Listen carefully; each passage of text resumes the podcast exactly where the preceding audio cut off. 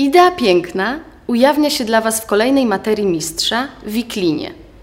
Rzeczy posiadające ład, właściwą miarę i dobrą formę powodują, że patrzymy na nie z uznaniem i upodobaniem. Przyjrzymy się materii wikliny, podziwiając jej wdzięk i subtelność w projektach mebli Sploty Eweliny Lekkiej. Dotkniemy purystycznego warsztatu twórczego dłońmi rzemieślnika Grzegorza Gortata. Przybliżymy techniki plecionkarskie i innowacje w zastosowaniu materiału narzędziami poznawczymi ekspertów. Zapraszam.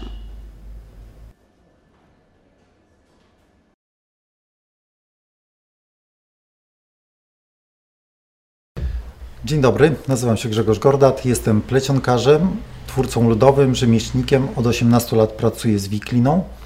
Dzisiaj pokażę Wam, jak wypleść tackę na owoce. Y, jeżeli chodzi o materiały, które będziemy używać, to będzie wiklina okorowana, którą trzeba będzie wcześniej namoczyć.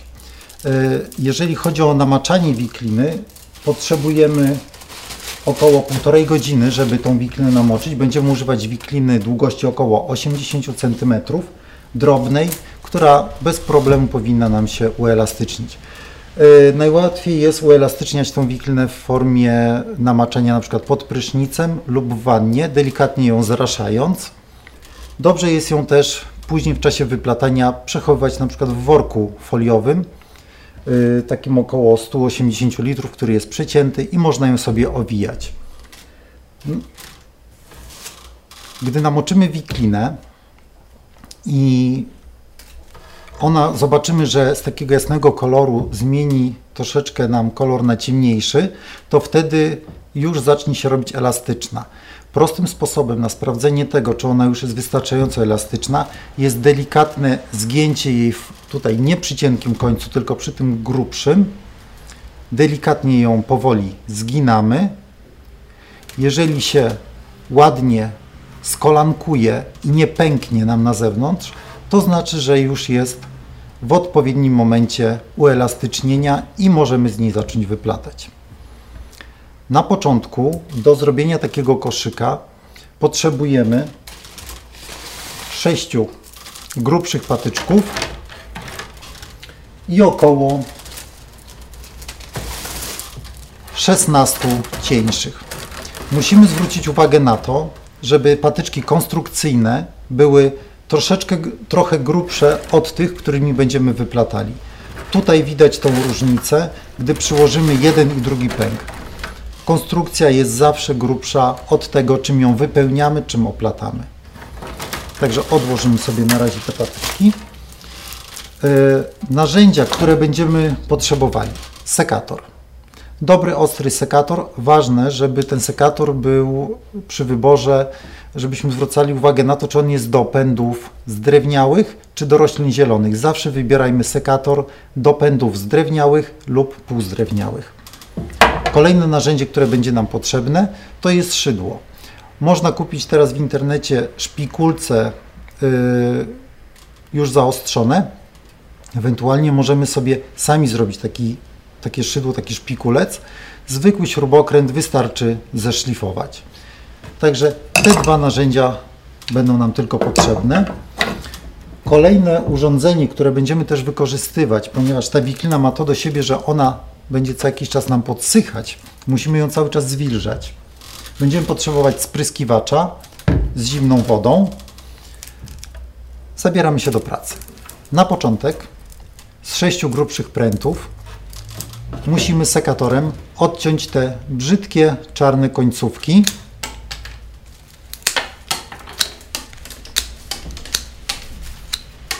Gdy mamy już oczyszczone pręty przy odziomkach, musimy z każdego patyczka obciąć tutaj od grubszej części patyk długości około 25 cm, a te końcówki, które nam zostały, odkładamy na bok. Mamy 6 patyczków tej samej długości.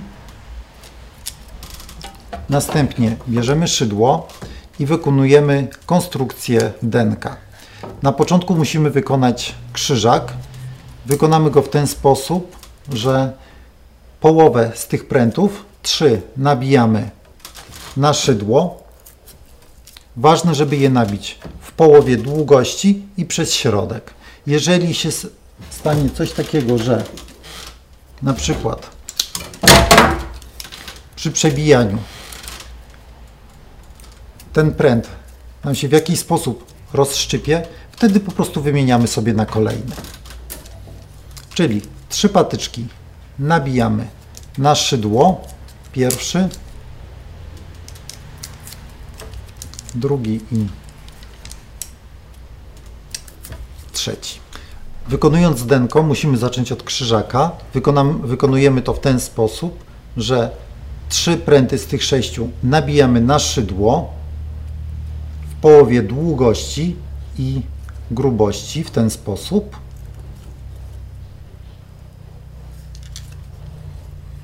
A następnie pozostałe trzy patyczki wbijamy w szczelinę, która nam powstała tutaj nad szydłem. Jeżeli mamy problem z wsunięciem patyków, wtedy delikatnie odrobinkę możemy obniżyć szydło, przytrzymując te trzy patyki i wtedy w tą szczelinę wbijamy najpierw jeden patyk, wyjmujemy szydło.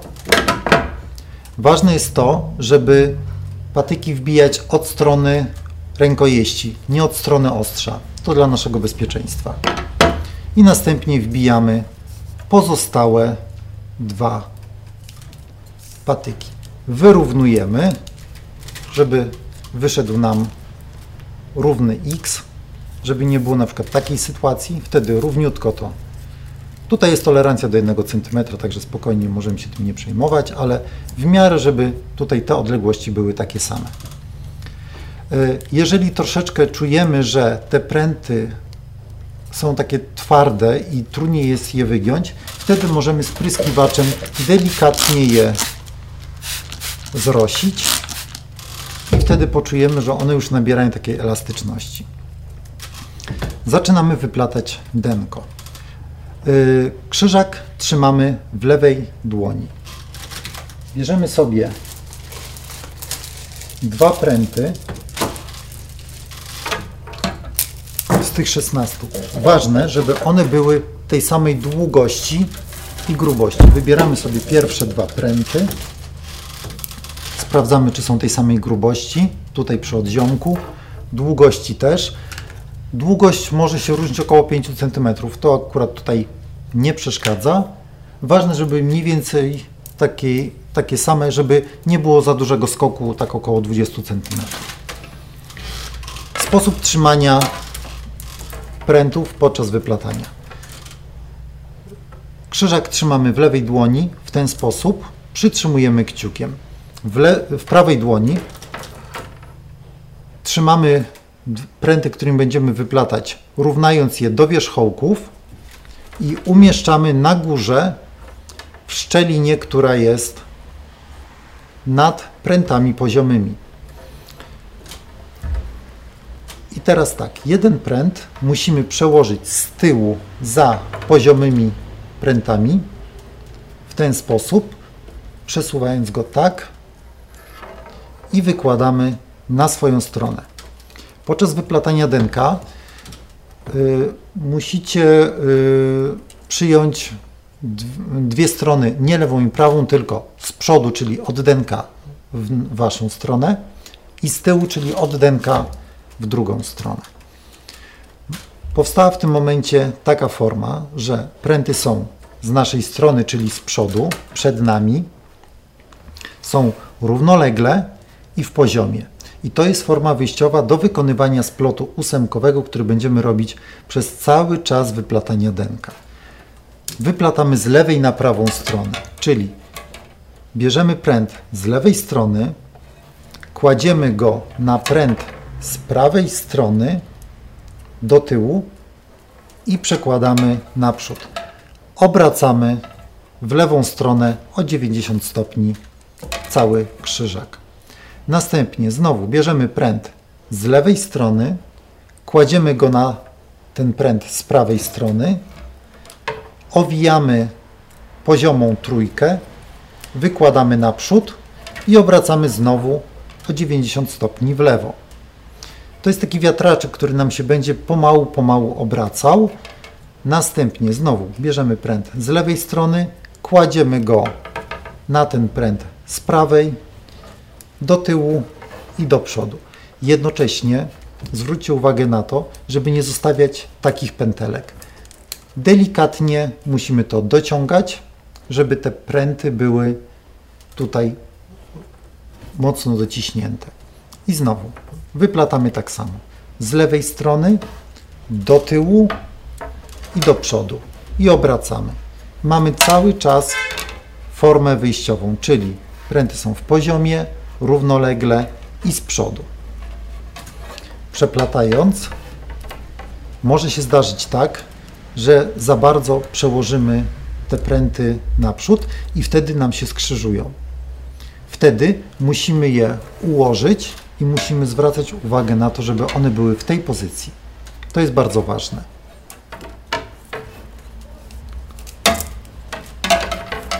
Związanie takiego krzyżaka wykonujemy tylko dwa razy. Jak zobaczymy, że tutaj mamy takie okienko składające się z takich podwójnych kresek, już zaczynamy wychodzić na denko okrągłe, czyli zostawiamy pręty z przodu, brzegowe patyczki poziome rozłamujemy, dzięki temu, że one są odpowiednio uelastycznione, nam nie, one nie pękają. I teraz już nie oplatamy całej trójki, oplatamy każdy patyczek po kolei, czyli bierzemy ten z lewej strony, kładziemy na ten z prawej, odginamy delikatnie krańcowy patyk i przekładamy go naprzód. Mamy tą samą formę wyjściową, tylko że w mniejszych odstępach. I zaczynamy dalej przeplatać. Lewy pręt idzie na ten prawy, tutaj w tej przerwie i wyjmujemy go z tyłu za następnym. I znowu z lewej do tyłu na prawo i naprzód. Każdy jeden pręt po kolei tak samo oplatamy, czyli do tyłu odchylamy krańcowy i przekładamy naprzód. Ważne jest też to, żeby te pręty najpierw docisnąć, przytrzymać i dopiero wtedy przełożyć. Nie robimy czegoś takiego, że zostawimy taką pętelkę i ją dociskamy, dociągamy. To nie jest tkanina. Tutaj niestety wiklina, mimo tego, że te pojedyncze pręty są bardzo delikatne i wydają się elastyczne, tak naprawdę to jest drewno. Drewna niestety nie ubijemy tak jak nitki w tkaninie. Także musimy po kolei, powoli to przekładać. I dalej tak samo.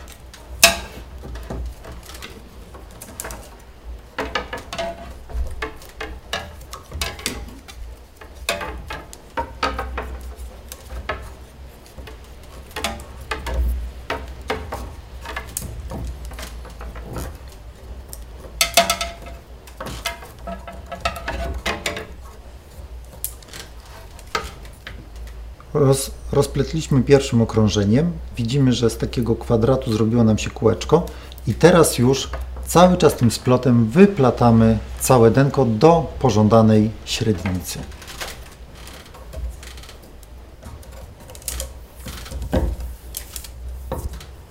do tyłu i ważne, żeby tutaj z tyłu przytrzymać sobie delikatnie to palcem. Możemy na przykład zsuwać tak po dwa palce, przytrzymując te pręty na dole.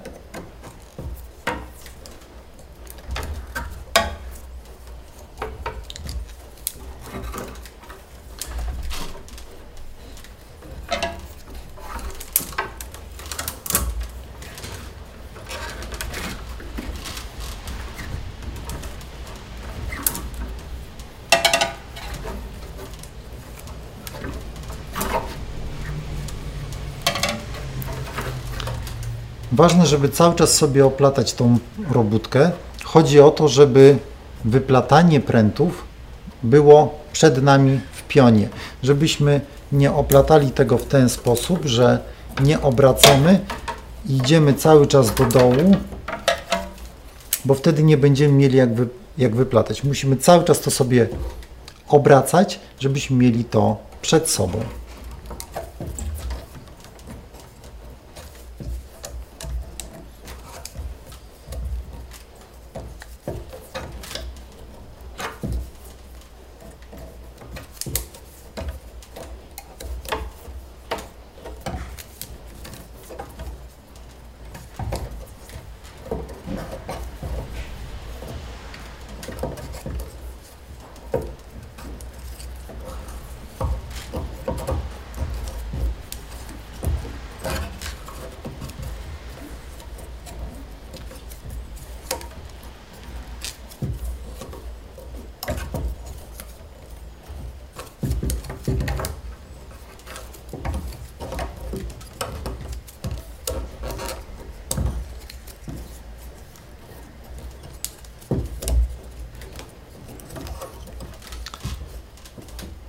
Kiedy dojdziemy połową pasa do grubych końców y, prętów, musimy dołączyć kolejne. Robimy to w ten sposób, że wybieramy kolejne pręty tej samej długości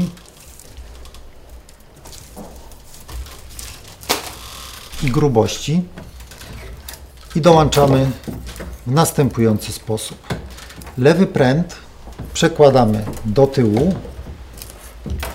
powinien wychodzić w kolejnej wolnej przerwie. Więc już nie przekładamy go naprzód, przykładamy z góry kolejnym prętem. Wtedy mamy krótki i długi dołączony. Następnie drugi pręt tak samo do tyłu, tak, tak jakbyśmy chcieli dalej wyplatać tą ósemkę. Przytrzymujemy go lekko palcem i znowu obok, nie, obok tutaj tego dołączonego, ale na górze, na ten, który chcemy zgubić, dokładamy następny. To wygląda w ten sposób. I mamy znowu formę wyjściową, czyli z przodu, równolegle i w poziomie. I znowu do tyłu i do przodu. Dalej kontynuując rytm wyplatania. Mamy wtedy prawą i lewą stronę denka.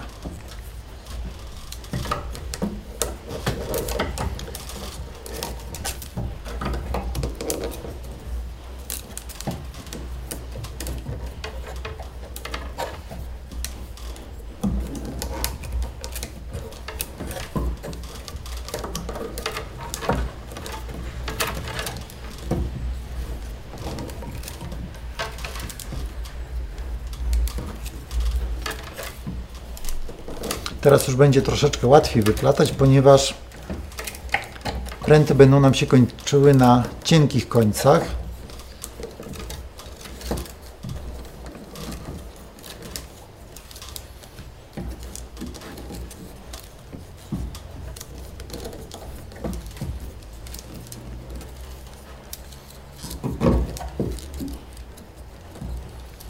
Dobrze. Mamy zakończony jeden pas ósemki składający się z czterech prętów. Następnie zakładamy kolejny pas, czyli wybieramy sobie kolejne dwa cienkie pręty tej samej długości i grubości. To jest bardzo ważne. I dołączamy cienkimi prętami.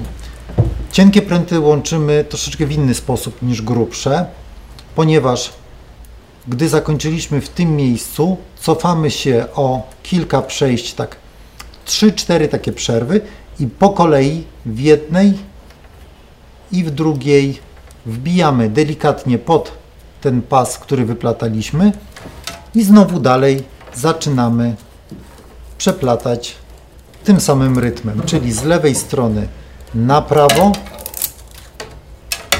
równomiernie skręca, skręcając pręty. I dalej zaczynamy tak samo wyplatać.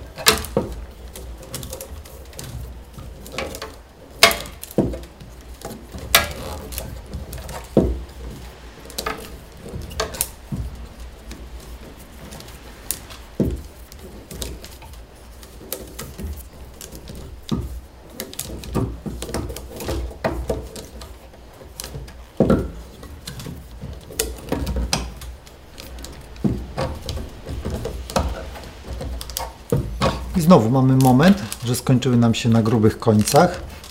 Bierzemy sobie kolejne dwa pręty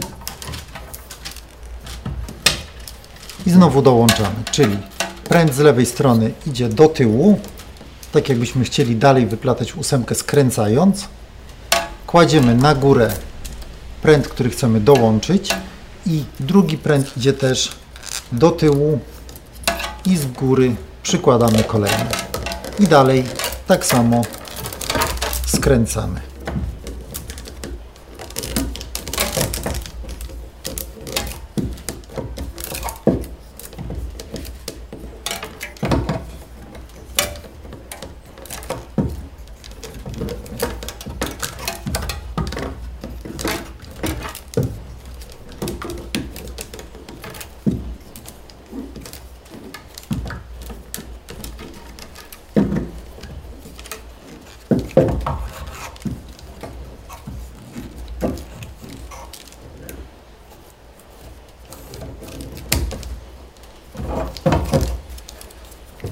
Mamy wyplecione dwa pasy ósemki.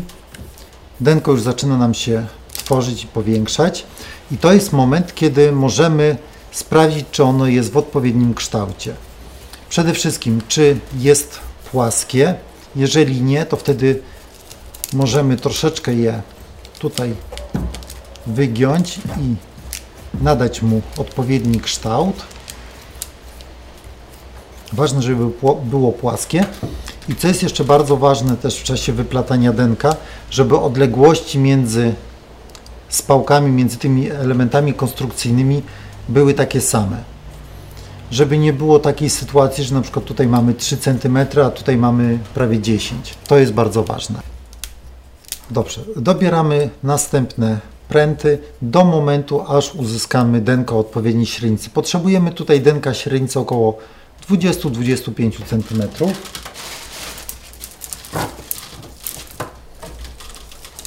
Najlepszym sposobem na wybranie prętów tej samej długości z danej związki, którą sobie wybraliśmy, jest wyrównanie ich do ziemi i wtedy zbieramy sobie pręty tej samej długości. I znowu zaczynamy. Skończyliśmy na cienkich, więc cofamy się kilka przejść wcześniej, wbijamy wierzchołki i zaczynamy dalej wyplatać.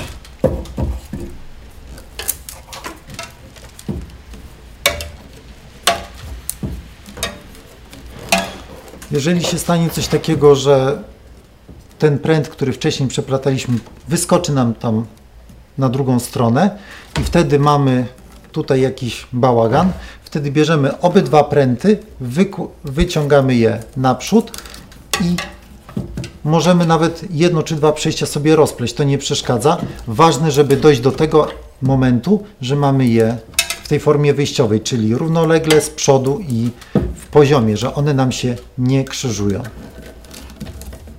I dalej kontynuujemy.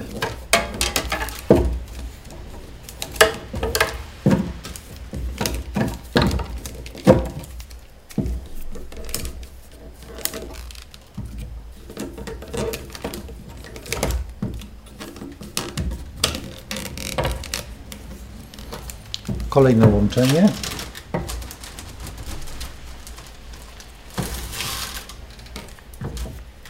I znowu pręt z lewej strony przekładamy do tyłu.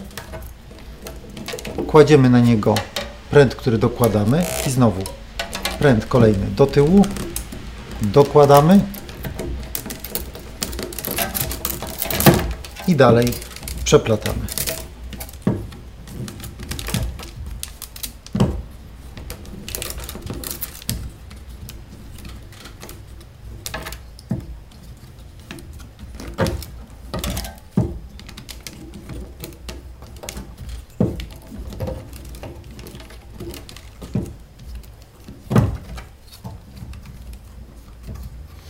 Jeżeli chodzi o gubienie cienkich końców, na tym etapie, kiedy denko już jest coraz większe, dobrze jest zostawić tak około 15 cm tych końcówek i jak przełożymy ją do tyłu, to wtedy nie przełożyć jej naprzód nad splotem, tylko pod jednym tutaj pasem na zewnątrz, znaczy do przodu i do tyłu. I z drugim robimy to samo, czyli do tyłu wbijamy tutaj pod ten pierwszy pasek i do środka. Wtedy są mocniej zamontowane. Zrobimy jeszcze jeden pas.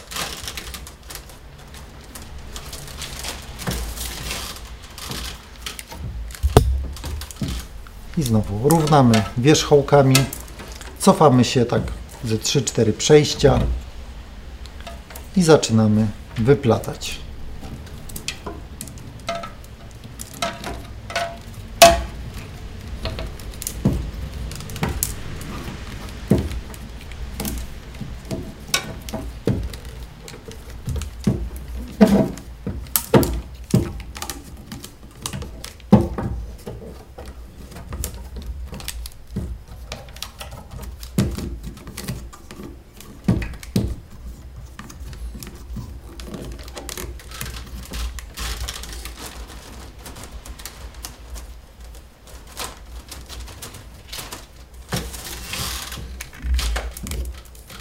Łączenie na grubych, czyli pręt z lewej strony idzie do tyłu, przykładamy go dokładanym patykiem, kolejny idzie do tyłu.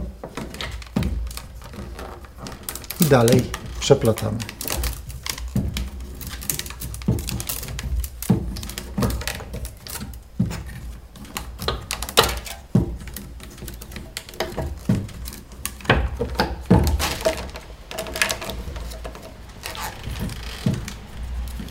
Teraz zostawiając 15-20 cm tego cienkiego końca wplatamy w splot denka i denko mamy wyplecione. Kolejny krok to czyszczenie denka. Mamy lewą i prawą stronę. Potrzebujemy do tego sekatora. Kładziemy sobie denko na blacie i wycinamy pod kątem prostym, ucinamy wszystkie wystające patyczki. Na co trzeba zwrócić uwagę? Nie możemy obciąć za krótko, ponieważ wtedy nie będzie się dokładany pręt opierał o spałkę konstrukcyjną. Musimy zobaczyć to miejsce, gdzie przebiega pręt konstrukcyjny jeden pręt obciąć po lewej stronie, a drugi po prawej. I w ten sposób obcinamy wszystkie patyczki. Możemy dla wygody najpierw obciąć wszystkie idące, że tak powiem, zgodnie z ruchem wskazówek zegara, obracając sobie denko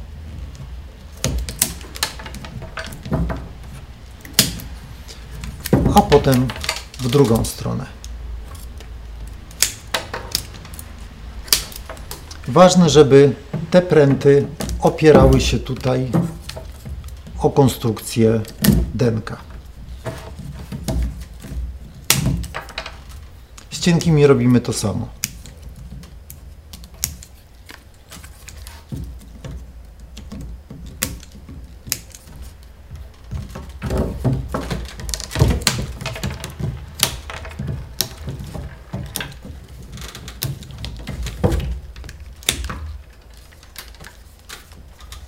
Mamy zrobione denko. Teraz kolejny krok, czyli dobieranie żeber i budowanie ściany koszyka. Na początku musimy obciąć wszystkie patyczki, które nam tutaj wystają.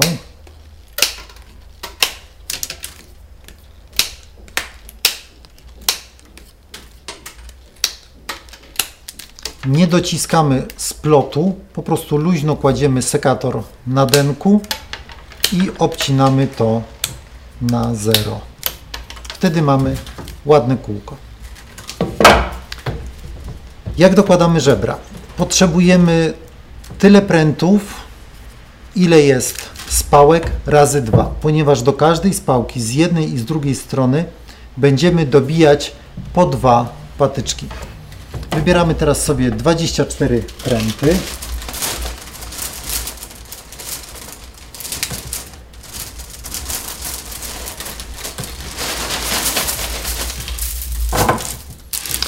Wybierając pręty na żebra, musimy wybrać pręty troszeczkę grubsze od tych, którymi później będziemy wyplatać i wypełniać całą ściankę.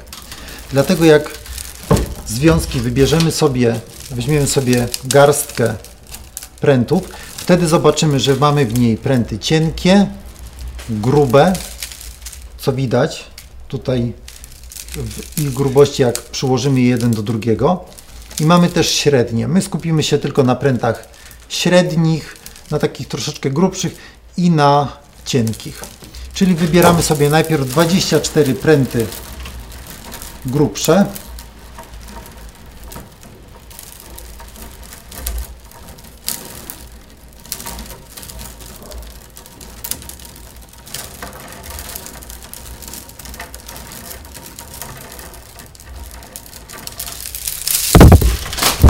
Resztę odkładamy.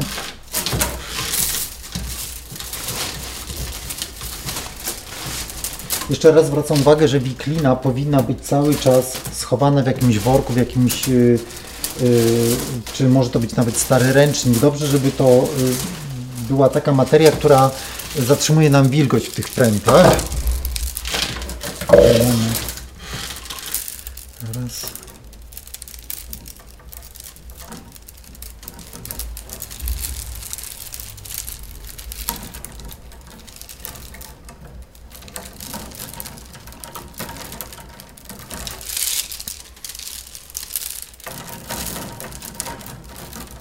Mamy wybrane 24 pręty. Sprawdzamy jeszcze, czy są podobnej grubości.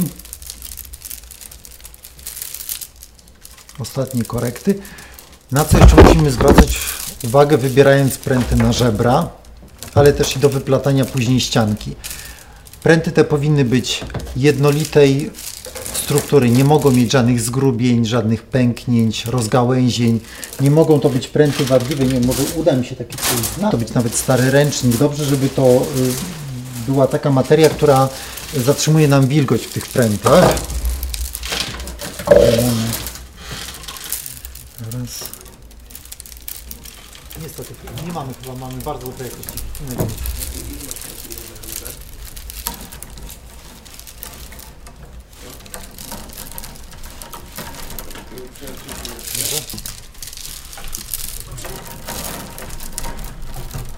Mamy wybrane 24 pręty. Sprawdzamy jeszcze, czy są podobnej grubości. Ostatnie korekty. Na co jeszcze musimy zwracać uwagę, wybierając pręty na żebra, ale też i do wyplatania później ścianki. Pręty te powinny być jednolitej struktury, nie mogą mieć żadnych zgrubień, żadnych pęknięć, rozgałęzień.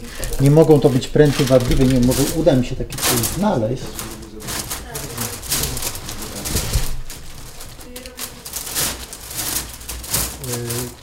No kilka zrobiłem już. Ale to jest ekspert,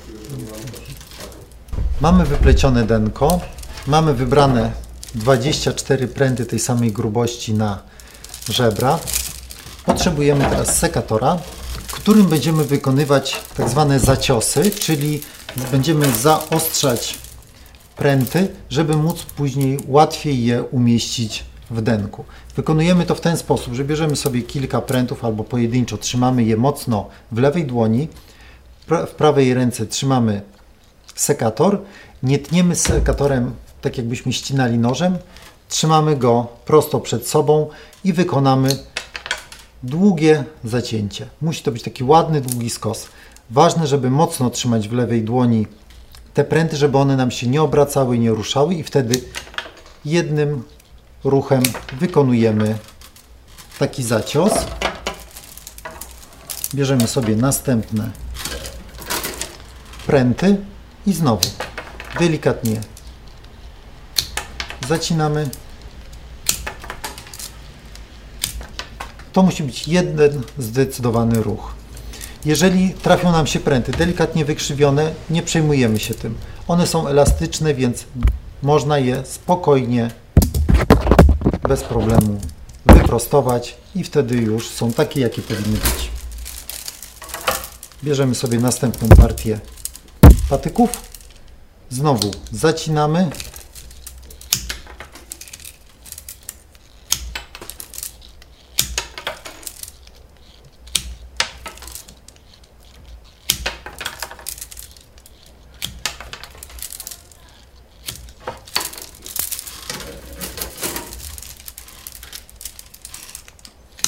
I ostatnia partia.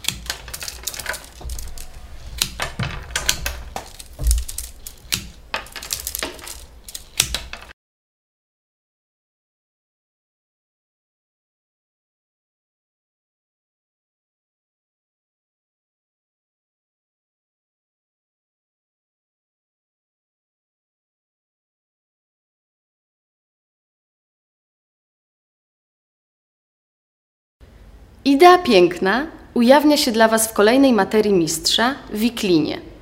Rzeczy posiadające ład, właściwą miarę i dobrą formę powodują, że patrzymy na nie z uznaniem i upodobaniem. Przyjrzymy się materii wikliny, podziwiając jej wdzięk i subtelność w projektach mebli Sploty Eweliny Lekkiej. Dotkniemy purystycznego warsztatu twórczego dłońmi rzemieślnika Grzegorza Gortata. Przybliżymy techniki plecionkarskie i innowacje w zastosowaniu materiału narzędziami poznawczymi ekspertów. Zapraszam. Mamy wyplecione denko, mamy wybrane 24 pręty tej samej grubości na żebra. Potrzebujemy teraz sekatora, którym będziemy wykonywać tak zwane zaciosy, czyli będziemy zaostrzać pręty, żeby móc później łatwiej je umieścić w denku. Wykonujemy to w ten sposób, że bierzemy sobie kilka prętów albo pojedynczo, trzymamy je mocno w lewej dłoni, w prawej ręce trzymamy sekator, nie tniemy sekatorem tak jakbyśmy ścinali nożem, trzymamy go prosto przed sobą i wykonamy długie zacięcie. Musi to być taki ładny, długi skos. Ważne, żeby mocno trzymać w lewej dłoni te pręty, żeby one nam się nie obracały, nie ruszały i wtedy jednym ruchem wykonujemy taki zacios. Bierzemy sobie następne pręty i znowu delikatnie zacinamy. To musi być jeden zdecydowany ruch. Jeżeli trafią nam się pręty delikatnie wykrzywione, nie przejmujemy się tym. One są elastyczne, więc można je spokojnie, bez problemu wyprostować i wtedy już są takie, jakie powinny być. Bierzemy sobie następną partię patyków. Znowu zacinamy.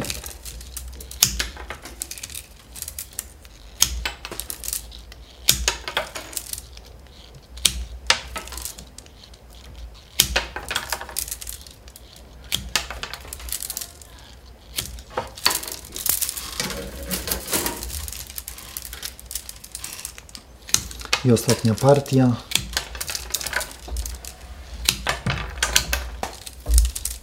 Jeżeli na płasko w ten sposób będziemy wbijać, to wtedy będzie najmocniejszy uchwyt właśnie tego denka, tego żebra. I wbijamy po kolei po dwa patyczki. Ważne, żeby doszły przynajmniej do połowy tej długości. Jeżeli się okazuje, że na przykład tutaj mamy za małą szczelinę i nie chcą wejść nam te żebra, to wtedy kładziemy sobie na stoliku denko, delikatnie robimy miejsce szydłem i wtedy wsuwamy pręt. Po kolei wszystkie 24 pręty w ten sposób mocujemy.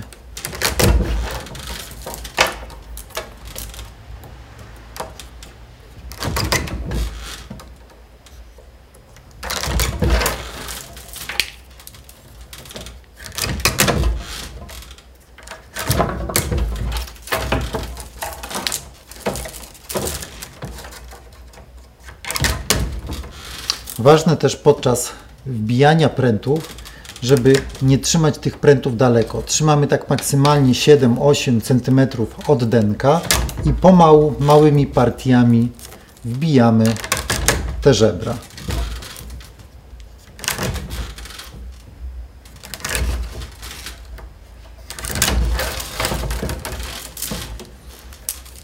Teraz będzie moment, gdzie będziemy potrzebowali troszeczkę więcej miejsca, ale to potrwa tylko kilkanaście minut.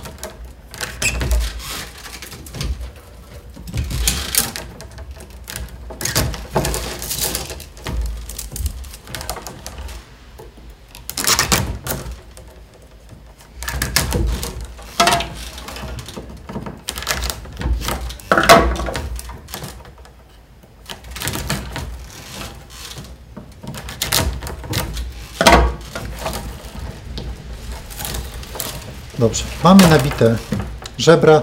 Tutaj zauważymy, że jeszcze mogą nam się pręty z denka troszeczkę odkształcać i odchylać od całej płaszczyzny, więc też możemy je odrobinę jeszcze skrócić, żeby wtedy wszystko było gładkie. Ostatnie korekty płaszczyzny denka, żeby było równe. I teraz stawiamy żebra do pionu. Do tego będziemy potrzebowali szydła. Kładziemy sobie żebr, yy, całą pracę na blacie przed sobą i delikatnie przed sobą, nie z boków ani od siebie, tylko przed sobą, delikatnie nakłuwamy szydłem i trzymając tak w odległości około 20 paru centymetrów, delikatnie załamujemy do góry. Powoli, żeby z tej strony, tutaj od zewnątrz, te pręty nam nie popękały. Równocześnie obracamy sobie wszystko w lewą stronę.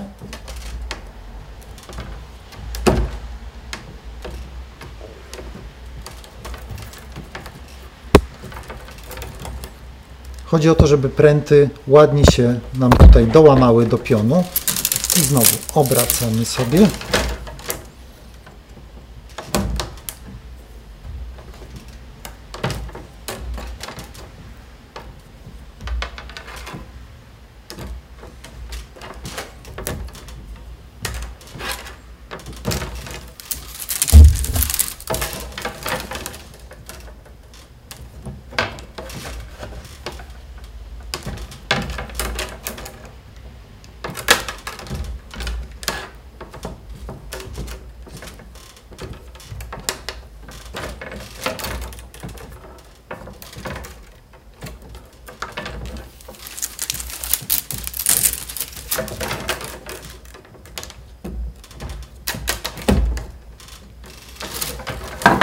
Mamy nakłute i załamane wszystkie 24 pręty, podnosimy je do góry.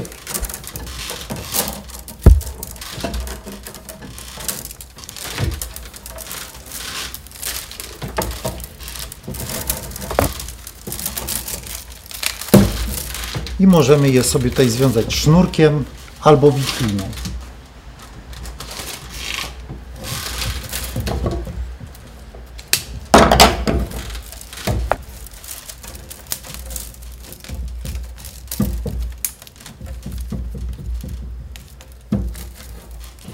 Teraz będziemy wykonywali stopkę, na której będzie stał cały koszyk. To będzie element, który będzie nam wzmacniał tą część narożną z denka, która wychodzi na ścianę.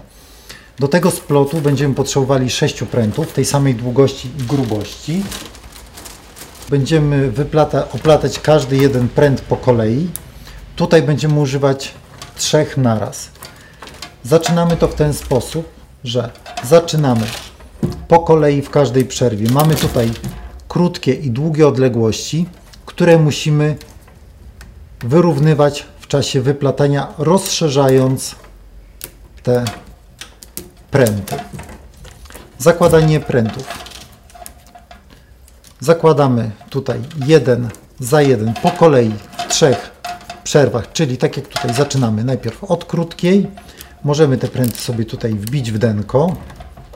Podobnie jak przy dołączaniu cienkich końcówek w jedną, w drugą przerwę i w trzecią. I zaczynamy wyplatać. Zasada jest ta sama, że one muszą być z przodu, równolegle i w poziomie. Bierzemy pręty od lewej i wyplatamy do prawej. Tej przerwie mamy już pręt, który wystaje. Następnym wolnym, wolną przestrzenią jest ta, czyli musimy lewym prętem zapleść za ten krańcowy i go przełożyć.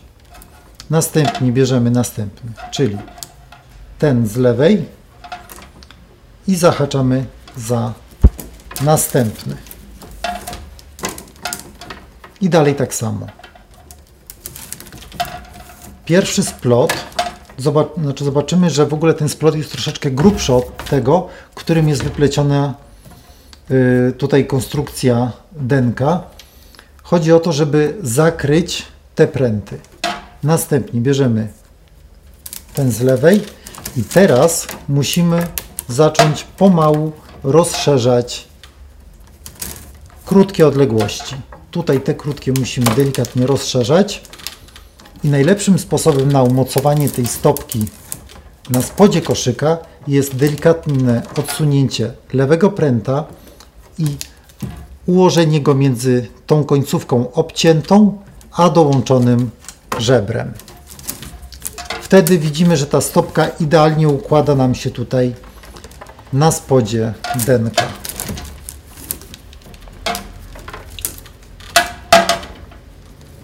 I dalej tak samo. I znowu odchylamy i przeplatamy.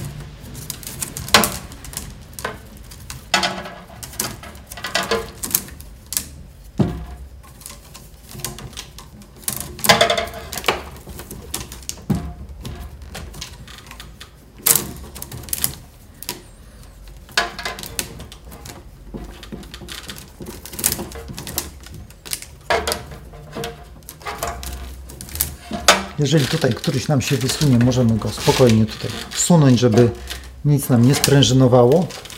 I dalej zaczynamy kontynuować.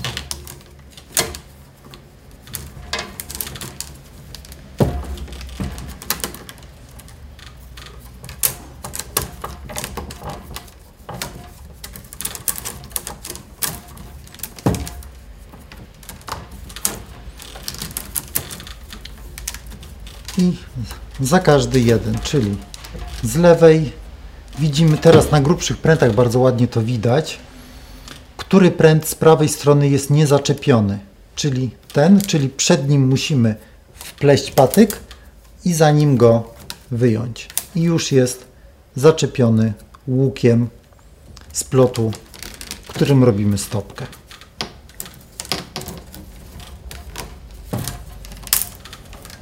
W przypadku, kiedy nam się złamie pręt i chcemy dołączyć, wtedy troszeczkę rozplatamy do momentu, aż ten pręt jest w tej pozycji, że się chowa za prętem żebra. Obcinamy go, tak żeby się zahaczał i wybieramy sobie kolejne trzy pręty.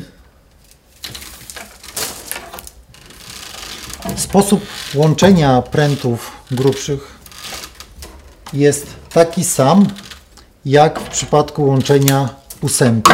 Tutaj widzimy, że jeszcze długie są te pręty, więc dobrze jest uciąć sobie grubszy koniec jakiegoś pręta tej samej długości, żeby tutaj dosztukować i znowu do tyłu przykładamy tak, żeby się krzyżowały i dalej zaczynamy przeplatać.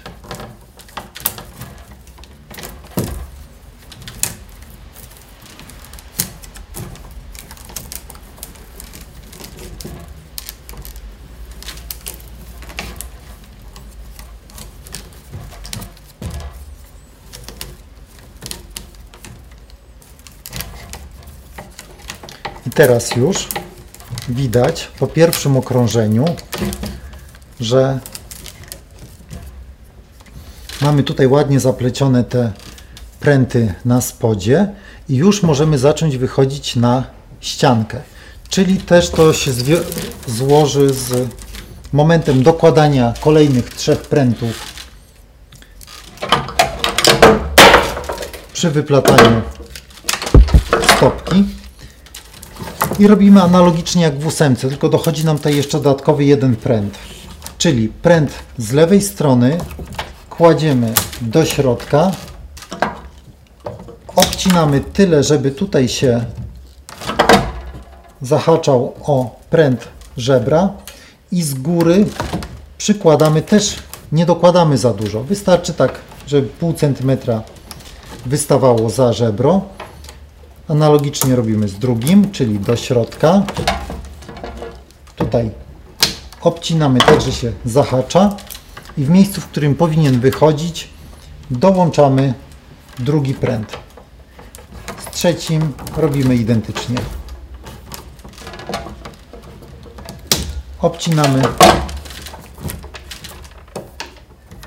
i dołączamy. I dalej zaplatamy tak samo już wyplatając ten splot na ściance.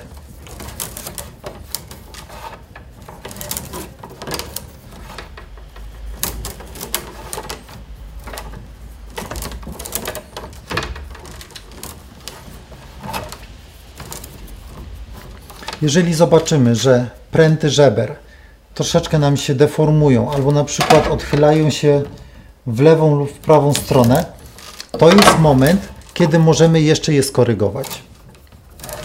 Czyli tak jak tutaj, na przykład tutaj odległości są w porządku, ale tutaj widzimy, że jeszcze są za, jeszcze są nierówne, więc możemy delikatnie je jeszcze rozszerzyć, zapleść i znowu zaplatamy i wtedy widzimy, że one już są tutaj utrzymane w tych samych odległościach. I na bieżąco to jeszcze korygujemy.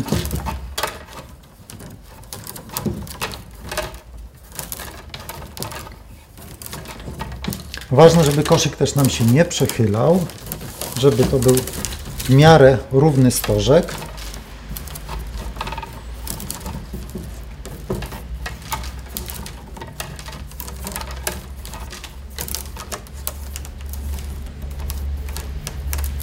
i do samego końca.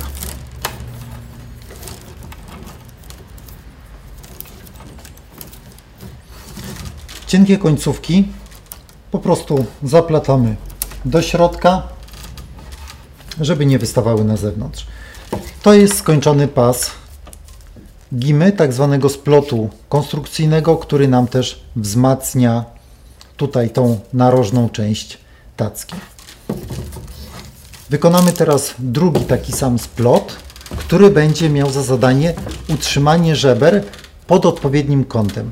Podczas wyplatania drugiego tego splotu możemy nadać kształt tacki. Albo może ona mieć kształt takiego walca, że żebra będą szły do góry. Możemy je lekko rozszerzać. Możemy też je delikatnie, ale bardzo delikatnie schować do środka i wtedy to będzie tacka o takim pokroju lekko zamykającym się. My wykonamy tackę o takim lekko rozszerzającym się brzegu. I teraz potrzebujemy kolejnych sześciu prętów do wyplecenia gimy. Pręty muszą być tej samej długości i grubości. Jednocześnie też można zauważyć, że tutaj góra prętów już zaczyna troszeczkę podsychać. Ona jest troszeczkę jaśniejsza od spodu, dlatego musimy co jakiś czas zraszać cały koszyk, żeby później można było go zakończyć. I wystarczy. Automatycznie widzimy, jak one troszeczkę ciemnieją, to znaczy, że chłoną wodę i będą przez to bardziej elastyczne. Wybieramy sobie kolejne pręty, czyli żeby wybrać optymalne pręty, bierzemy sobie luźną garstkę prętów i zbieramy. Teraz już możemy sobie spokojnie 6 wybrać, pójdzie nam troszkę szybciej, więc one nie zdążą nam wyschnąć.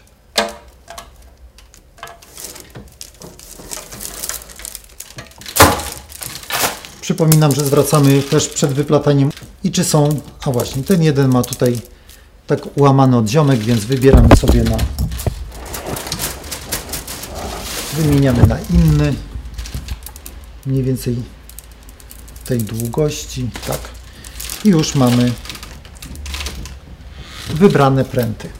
Zaczynamy znowu od cienkich końców czyli zaplatamy po kolei w jednej w drugiej i w trzeciej przerwie.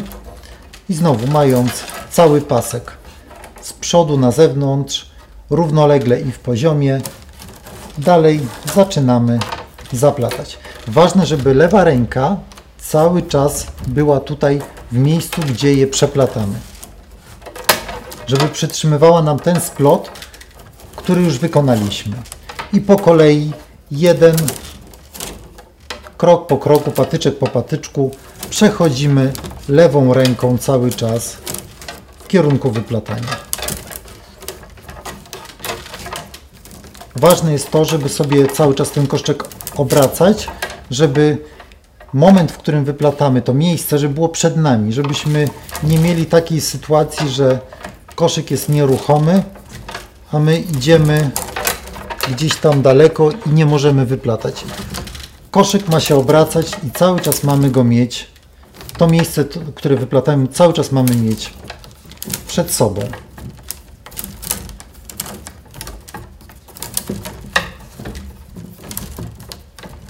Widzimy, że już ścianka zaczyna nam się podnosić.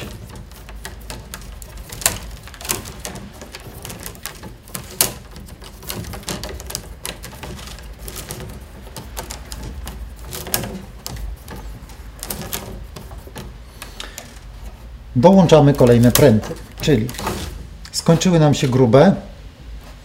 Bierzemy sobie następne trzy czyścimy końcówki. To jest bardzo ważne, żeby od razu czyścić sobie końcówki w czasie wyplatania. Żeby nie zostawić takich długich prętów, ponieważ później podczas czyszczenia koszyka, które pokażę po zakończeniu pracy, trudno będzie nam wyciąć pręty, które są tutaj w tym narożniku. Dlatego proponuję od razu sobie skracać pręty do długości około tak pół centymetra, żeby zahaczały. Wtedy nie będziemy mieli tego problemu z czyszczeniem. I znowu drugi do środka. Obcinamy.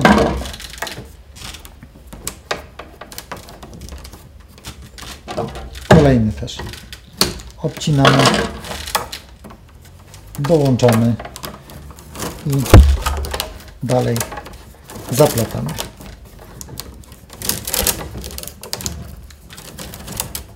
Dobrze. Teraz jak już połączyliśmy grubymi końcami, jest moment, kiedy nadajemy kształt naszemu koszykowi, czyli delikatnie widzimy, że już pręty stoją dzięki temu paskowi w pionie, są stabilne. Możemy delikatnie je rozszerzyć i teraz wyplatając naginamy pręty delikatnie do siebie. W ten sposób ustawiając je i teraz mocujemy je w tej pozycji, wyplatając ten pas z trzech prętów.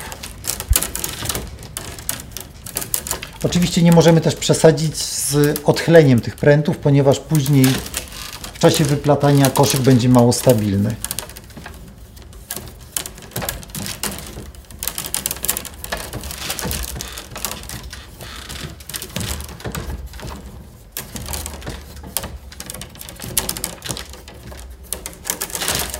Na tym etapie pamiętamy również o tym, że musimy za każdym przełożeniem kolejnego pręta docisnąć go do dołu.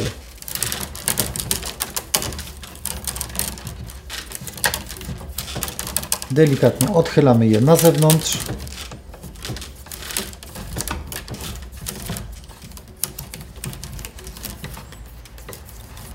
A te cienkie końcówki chowamy do środka.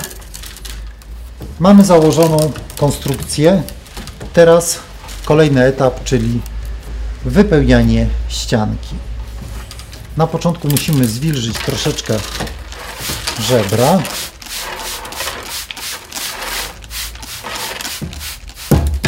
Przy zwilżaniu żeber y, trzeba zwrócić uwagę na to, że y, ta woda nie musi nam cieknąć strumieniami. Wystarczy, że one będą lekko zwilżone. Teraz na nałożenie warstwy potrzebujemy tylu sam, takiej samej ilości y, prętów, ile mamy żeber. W tym przypadku mamy 24 żebra, więc potrzebujemy 24 krótkie, cienkie patyczki, które założymy za każde żebro po kolei i będziemy wyplatać całą warstwę.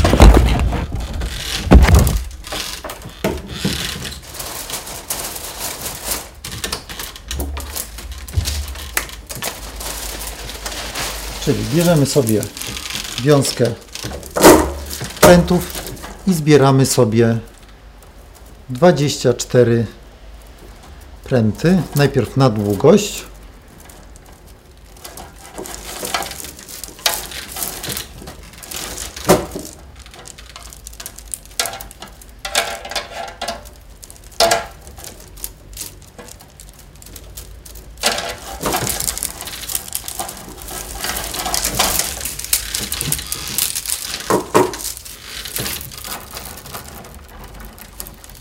Teraz, czy są tej samej grubości. Wybieramy te najcieńsze, a grubsze odkładamy do wiązki.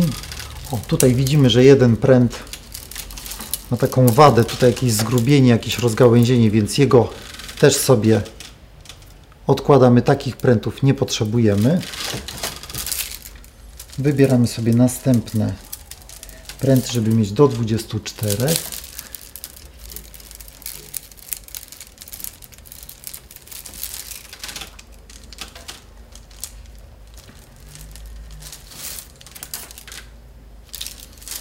Mamy 24.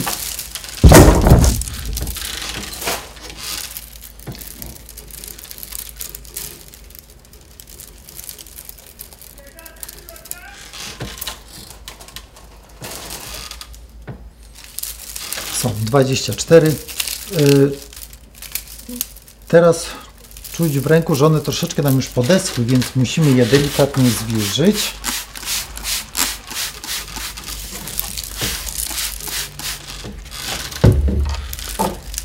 Przygotowujemy je do wyplatania ścianki. Bierzemy sekator i po kolei obcinamy te brzydkie końce pod kątem prostym.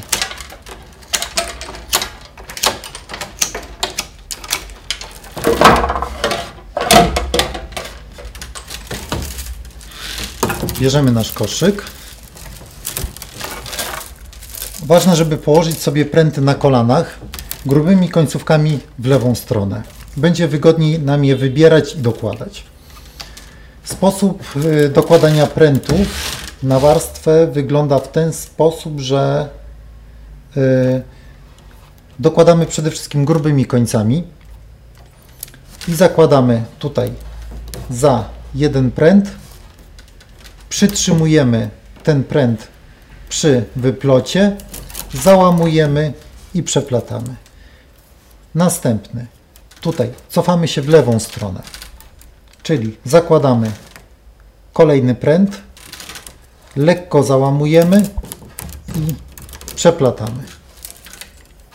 I w ten sposób zakładamy wszystkie 24 patyki.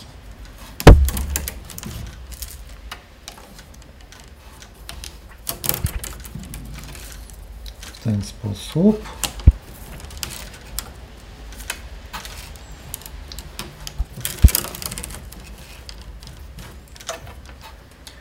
Ważne jest to, żeby ten pręt poziomy, to żeby on się łamał. Tutaj widać, że jest, wychodzi z góry, wygląda jak taki zygzak. O w ten sposób. Nie może być tak, że przekładając ten, te pręty, zrobimy coś takiego, że on, ten poziomy jest prosty, a żebra nam się łamią. Tak nie może być. Chodzi o to, żeby to właśnie żebra były nie ruszone, żeby to ten pręt poziomy, żeby on nam się łamał i oplatał się wokół żeber.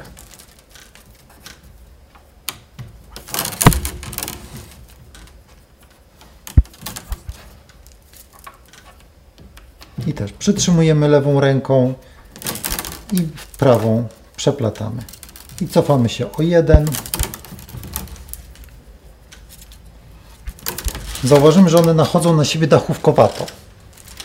To jest bardzo ważne, żeby też w ten sposób dołączyć ostatnie pręty, które za chwilkę tutaj będziemy mieli, bo już nam się kończą.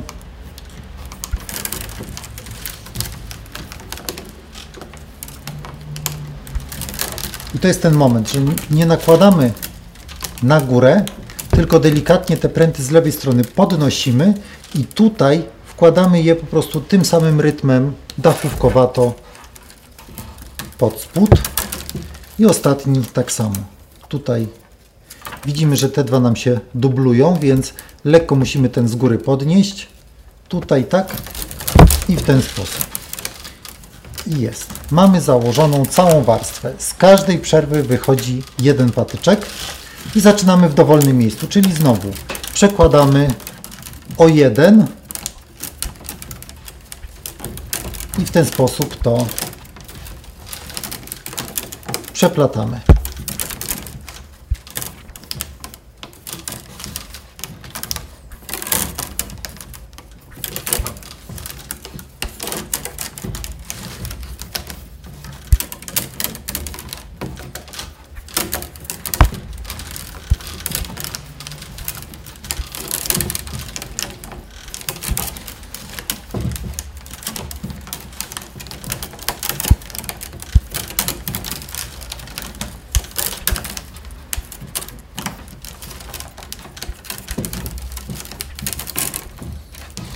Y, połączenie, zakończenie właśnie całego okrążenia. W pewnym momencie zobaczymy, że mamy w dwóch przerwach po dwa pręty. Wtedy wszystkie delikatnie podnosimy i patrzymy z boku, jak one się układają. Czyli na tym pierwszym pręcie, który przeplataliśmy, na nim idzie ten pierwszy z dołu, czyli go przeplatamy, ale następny nie będzie kolejny za nim, będzie ten, który jest pod spodem drugiej dwójki i tak samo przeplatamy. Ważne, żeby nie skręcać ich w ten sposób. One muszą nachodzić na siebie dachówkowato, czyli delikatnie podnosimy ten patyk i odchylając go przeplatamy i wtedy ładnie układają nam się do góry. Widzimy, że tacka nabiera nam kształt takiego rozszerzającego się koszyka. Możemy jeszcze troszeczkę bardziej to rozszerzyć, delikatnie naginając, w czasie też wyplatania. Czyli przeplatając, delikatnie też formujemy kształt naszego koszyka.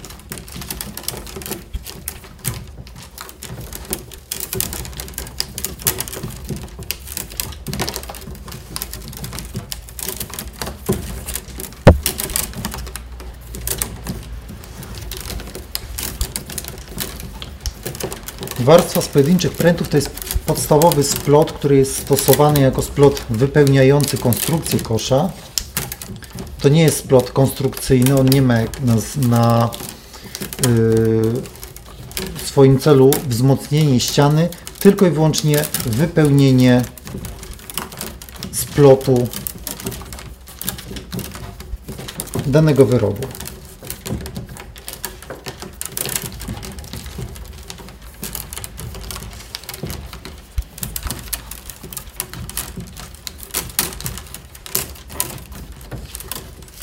Jeżeli się okaże, że któryś patyczek nam tutaj pęknie, to wtedy obcinamy go przy tym pęknięciu.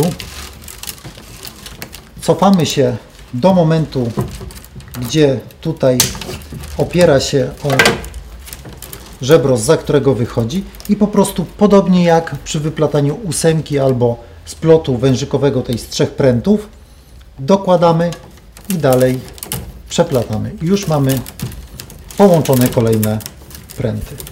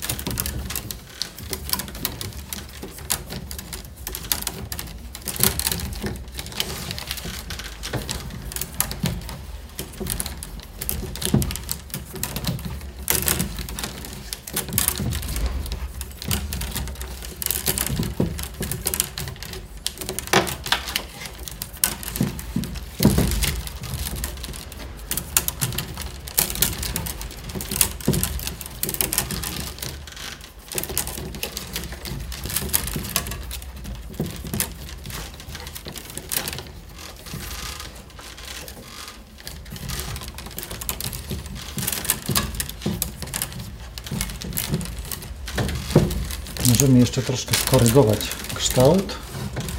Obracając koszyk możemy sprawdzić, czy ma odpowiedni kształt.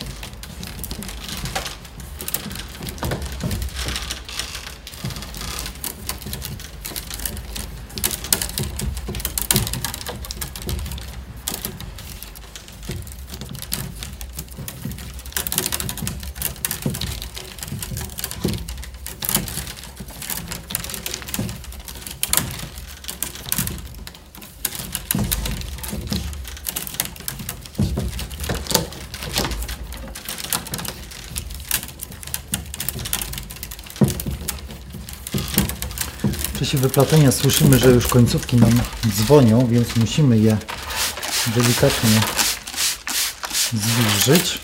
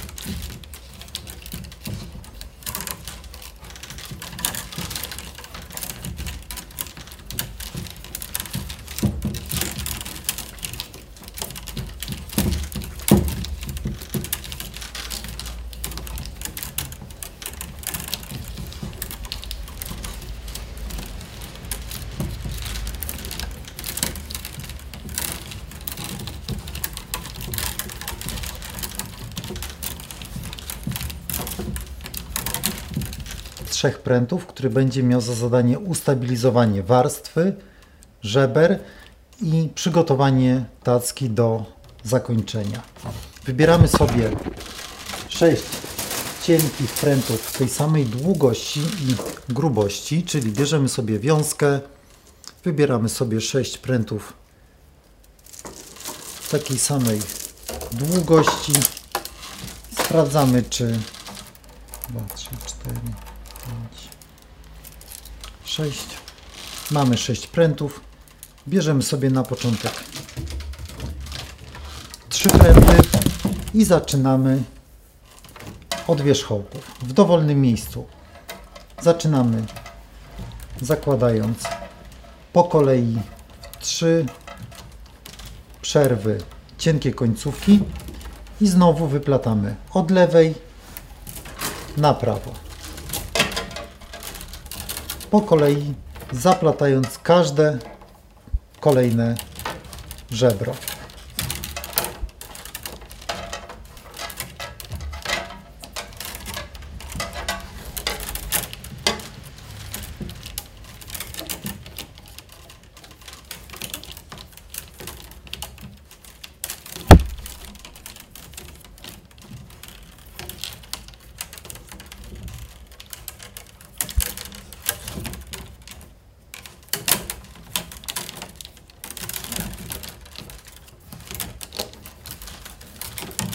Ważne, żeby teraz tą gimę delikatnie dociskać, dzięki czemu też zagęścimy trochę wyplot warstwy. Skończyły nam się pręty na grubych. Teraz dobieramy kolejne trzy. Czyścimy końcówki, to jest bardzo ważne, żeby od razu je wyczyścić. I obcinamy pierwszy pręt z prawej strony. W jego miejsce dokładamy kolejny i znowu z drugim robimy to samo, czyli obcinamy, dokładamy z góry następny i z trzecim tak samo. Cały czas zachowując rytm tego skręcania, tego przeplotu z lewej na prawą. I dalej przeplatamy.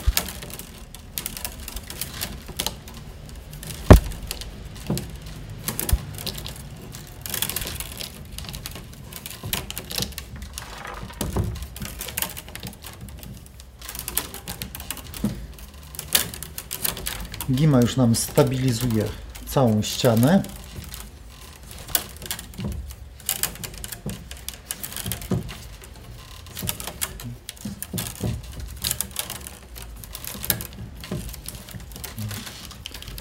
Tak.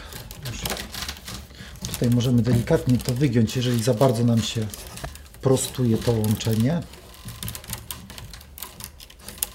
I wszystkie patyczki te końcówki do środka. Mamy ustabilizowane żebra przed zakończeniem. Teraz wykonujemy zakończenie. Jeżeli chodzi o zakończenia koszyka, yy, mamy różne warianty. Tutaj w tackach najczęściej stosuję takie proste, jednostronne, jednostronne zakończenie, które nie obciąża nam wizualnie całej formy. Chodzi o to, że w drobnych formach, tak jak na przykład tacki czy jakieś małe koszyczki takie yy, galanteryjne, dobrze jest stosować zakończenia lekkie, które nie są yy, takie yy, toporne w, swojej, yy, w swoim wizualnym odbiorze. Przy koszach gospodarczych wiadomo, wtedy trzeba zrobić zakończenie mocniejsze, stabilniejsze, co nie znaczy, że to zakończenie nie jest stabilne. Chodzi o to, żeby utrzymać formę i lekkość danego wyrobu plecionkarskiego. Przy tego typu koszykach, które nie są narażone na jakieś duże przeciążenia, na dźwiganie jakichś dużych ciężarów, nie ma y, takiego wymogu, żeby stosować zakończenia y, właśnie najczęściej wykorzystywane przy koszach gospodarczych. Proste takie zakończenie, które ja zawsze stosuję przy tego typu koszykach, polega na tym, że wykonujemy taki delikatny kołnierzyk, który wygląda jak podobnie z plotem jak warstwa. Do wykonania go potrzebujemy jednego pręta, który jest grubością zbliżony do grubości żeber obcinamy go w końcówce i zaczynamy, czyli równamy do jednego z żeber, przeplatając raz, podobnie jak przy zakładaniu warstwy. Następnie cofamy ten pręt do momentu, tutaj równamy do tego pręta i pierwsze przełożenie jest z tyłu, drugie jest z przodu, że końcówka pręta wystaje z przodu i przeplatamy jeden dalej, czyli tu już mamy dwa przełożenia. I następnie znowu zakładamy z tyłu i robimy raz i dwa przejścia. Powstaje nam tutaj taki klin, taki trójkąt, który sprawi, że w to miejsce potem przy zakończeniu obrębu w jego miejsce wpleciemy ostatnie trzy pręty. Dzięki temu, że zastosowaliśmy takie te patyczki, obręb będzie na tym samym poziomie. Nie będzie widać początku i końca obrębu. Gdybyśmy zaczęli załamywać to od tutaj od zera, to wtedy przy wyplataniu by się okazało, że przy zakończeniu obrębu nie mamy gdzie wpleść tych prętów. Ten klin pozwala nam utrzymać obręb na danym poziomie i ładnie estetycznie go wykończyć. I teraz załamujemy pierwsze żebro, od którego zaczynaliśmy, czyli z tyłu delikatnie załamujemy za jeden i prowadzimy raz i dwa. Dwa przejścia i obcinamy. Następne żebro też załamujemy za jeden. Raz i dwa. Jak tutaj to pierwsze żebro kończyło się za tym żebrem, tak to będzie się kończyć za następnym. I dalej idziemy i schodzimy coraz dalej.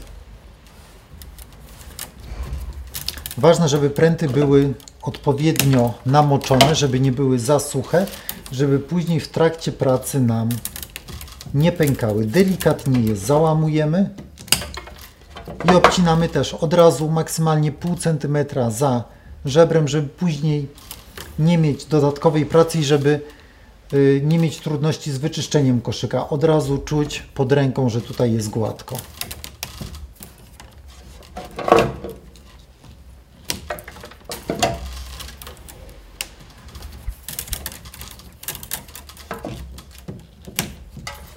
Pracy rzemieślnika ważne jest to, żeby obserwować materiał, żeby mieć wypracowane pewne takie triki, jakieś rozwiązania konstrukcyjne i techniczne, które pozwolą y, doprowadzić dany wzór koszyka do perfekcji. Do tego, żeby forma była jak najprostsza, ale dzięki temu, żeby nie straciła na swojej wytrzymałości, na, na jakości przede wszystkim ale ważne też jest to, żeby w wyrobach plecionkarskich, gdzie mamy tak naprawdę materiał tego samego koloru i on nie możemy zagrać kolorem ani fakturą, że, y, musimy po prostu trzymać się formy i zagrać kształtem, to żeby ten kształt był maksymalnie y, dopracowany i y, żeby tak jak na przykład tutaj te formy, tak jak ten koszyk na przykład, ta tacka na owoce, żeby on miał delikatność w swojej formie, żeby nie był taki na pierwszy rzut oka przytłaczający, żeby nie był takim, e, nie lubię tego słowa, ale gniotem, który tak naprawdę y, burzy całą w ogóle lekkość tego koszyka. Tutaj zaraz zobaczycie dzięki temu zakończeniu, że ten koszyk tak naprawdę będzie przypominał w sumie nawet taki można powiedzieć jakiś talerz albo jakąś miskę taką ceramiczną, która też nie ma jakiegoś takiego, takiej wargi, takiego grubego zakończenia, jest idealnie, ładnie tak zakończona. To jest zakończenie, które bardzo polecam do takich prostych, delikatnych form jak tacki albo jakieś drobne koszyki, które y, są wyrobami galanteryjnymi, nie są koszami gospodarczymi, które nie wymagają aż tak dużych wzmocnień, jeżeli chodzi o obręb. I tu już dochodzimy do końca naszego obrębu.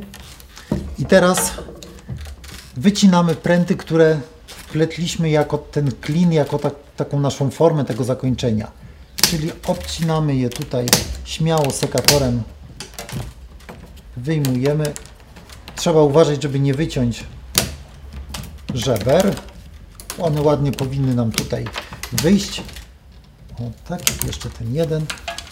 I tutaj widzimy ten klin, tą formę, dzięki której ma pręd, znaczy obręb będzie na tej samej wysokości. I znowu obcinamy tutaj tak z pół centymetra i zaplatamy. I teraz po kolei załamujemy pierwszy i tutaj równamy sobie do żebra. Powinien się teraz chować za tym żebrem, więc go ucinamy tak z pół centymetra, zanim delikatnie odginamy i wplatamy. Kolejne trzy żebra delikatnie na kciuku możemy wygiąć, żeby one były elastyczne. Ważne, żeby ich nie złamać.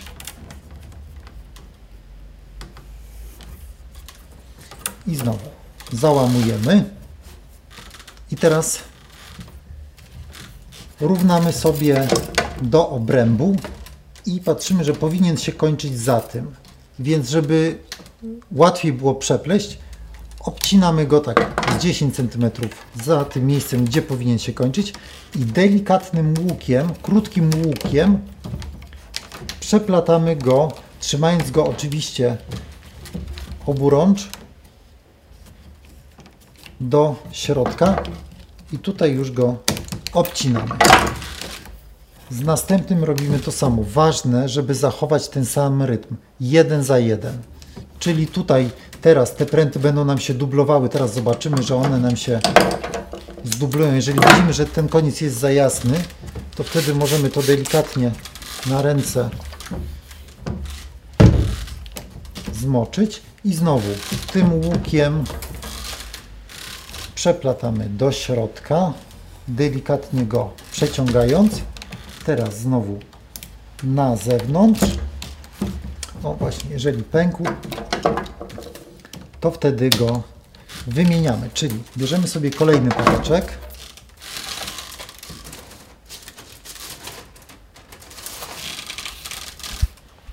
Elastyczny, można go bardziej tak uelastycznić.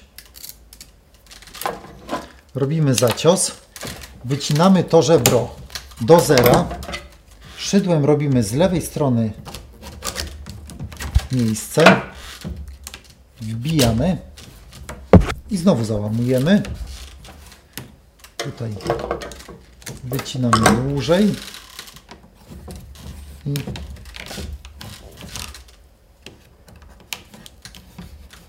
tak.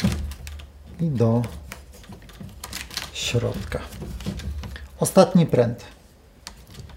Szydłem robimy tutaj miejsce między tymi dwoma, które mamy zdublowane, ponieważ w tym miejscu musimy przepleść ostatni pręt.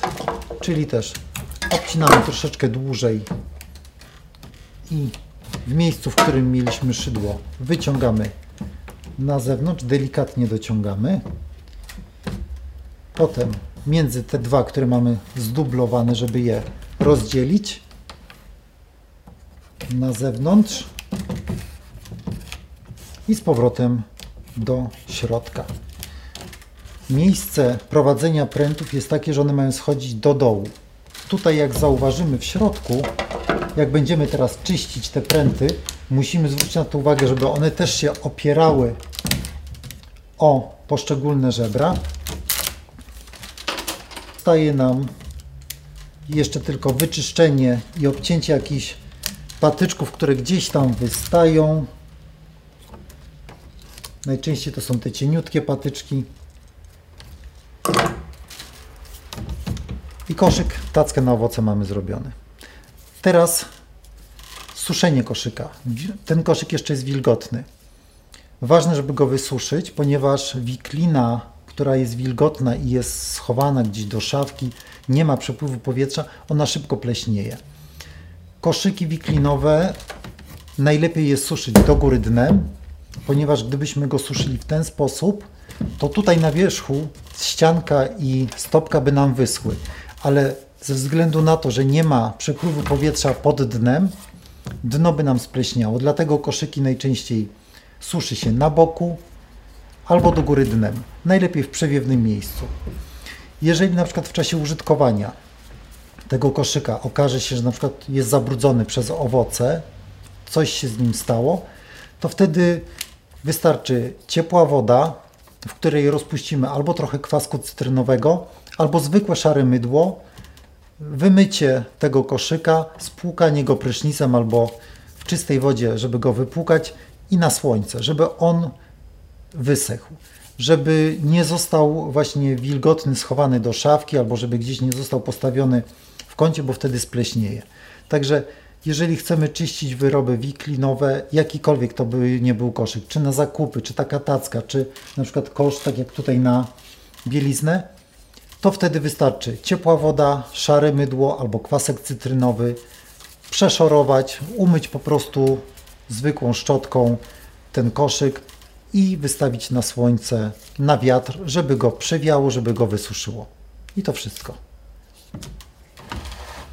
Robimy jeszcze raz e, wstęp. Tak. Tylko może trochę uprzątnę trochę, żeby tak nie było, że A, no wstęp, właśnie, wstęp, to- wstęp jest po... Dobra, to zróbmy stop.